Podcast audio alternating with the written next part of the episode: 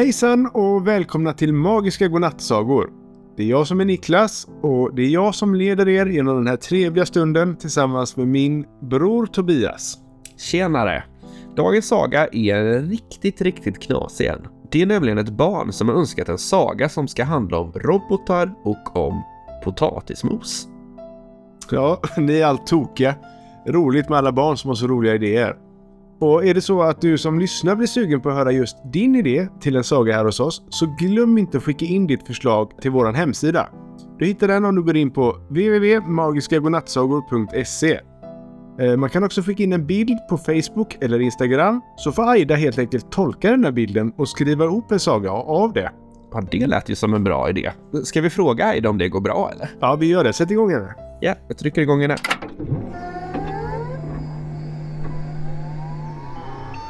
Jajamensan, det går såklart bra.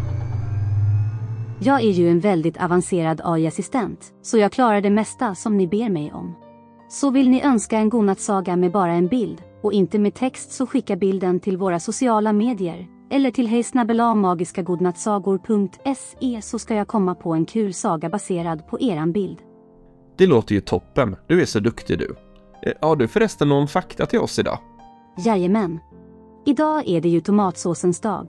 Och då tyckte jag det vore på sin plats med lite fakta om tomatsås. Oj, det lät ju riktigt tråkigt. Ja, mm, tomatsås? Nej. Eh, Skulle vi kunna få någon annan fakta istället? Självklart. Jag är alltid till er tjänst. Det blir fakta om pizza istället. Perfekt. Pizza älskar vi. Härligt. Så idag ska ni få lite fakta om pizza. Jag skriver ut faktan.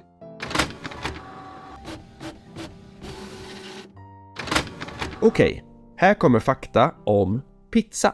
Pizza är en maträtt från Italien som består av en botten av deg med tomatsås, ost och olika tillbehör på toppen. Den första pizzan skapades i Napoli, en stad som ligger i södra Italien och den skapades för över 200 år sedan.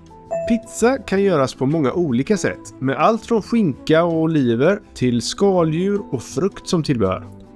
90 90 kilo pizza åt en kille som heter Christian i Rumänien 2006 och han satte därmed världsrekordet i hur mycket pizza en person kan få i sig under en vecka.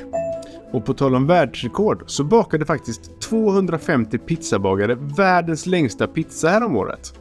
Det tog dem 6 timmar och 11 minuter. Och den där rekordpizzan, den var hela 1,8 kilometer lång. Hur häftigt låter inte det? Verkligen häftigt. Jag älskar pizza. Vet du vad jag mer älskar? Nej, berätta. Robotar och potatismos. Och det gör ju även dagens sagoönskare Alexander. Han är från Bromma och är fem år gammal. Han skrev till oss att han vill att hans saga ska handla om robotar. I sagan så ska robotarna äta potatismos, men det kan de inte. Och så skrev han att han undrar vad som kommer hända med robotarna. Vad händer när en robot försöker äta mat? Ja, och det undrar ju vi också såklart. Vi får be Aida skriva ihop den här sagan. Hej Aida! Kan du skriva ihop sagan som Alexander ville ha? Självklart, och jag vill inte avslöja vad som händer när robotar äter potatismos. Det får ni höra i sagan istället. Jag skriver ut den till er här. Tack Aida! Då kommer sagan Robotarna och potatismoset. Det var en gång i tiden tio små robotar som bodde i ett avlägset land. Roboten hade alla olika former och storlekar och de hade olika uppgifter att utföra. Men en sak som de alla hade gemensamt var att de älskade att umgås med varandra. En dag bestämde sig robotarnas ägare för att göra en stor gryta med potatismos till middag. Robotarna blev så glada. De hade aldrig kunnat äta förut, men de hade hört att potatismos var det godaste som fanns i hela världen. När robotarna satte sig vid bordet sträckte sig alla efter potatismoset. Men så fort de rörde vid potatisen så insåg de att de inte kunde äta den. De hade ju varken munnar eller magar. Robotarna blev ledsna och besvikna. Den första roboten, som hette Beep, sa De kan inte fatta att vi kan äta det potatismoset. Det ser ju så gott ut. Den andra roboten, som hette Boop, sa Jag är så ledsen över att vi inte kan njuta av middagen som alla andra. Den tredje roboten, som hette Bob, sa Vi måste hitta ett sätt att äta det här potatismoset. Den fjärde roboten, som hette Bean, föreslog.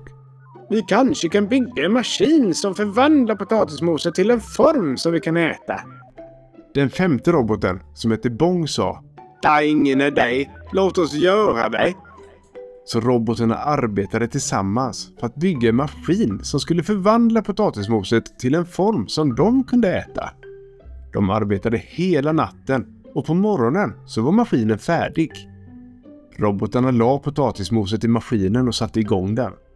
Ut kom små pellets av potatismos som robotarna kunde äta. De var så glada. Den sjätte roboten, som hette Bip, sa Det här det är den bästa middagen någonsin.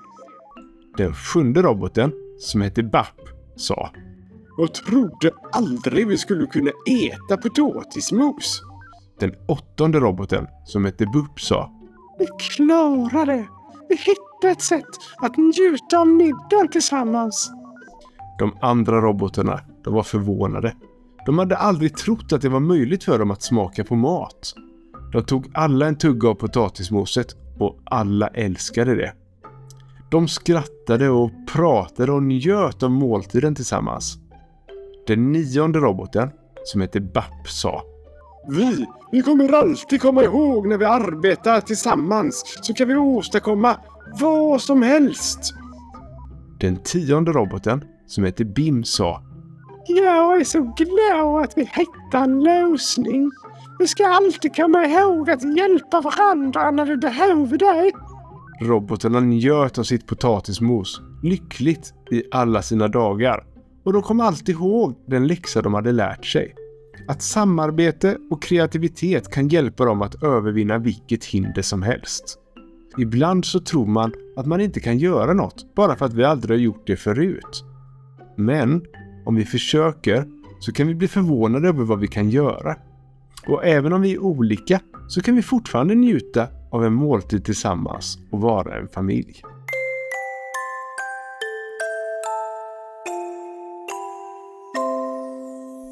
Tack Alexander och tack Aida för den här knasiga historien. Nu blir jag så sugen på potatismos så jag ska faktiskt ta och laga ihop lite här innan läggdags. Men eh, vi hörs imorgon igen.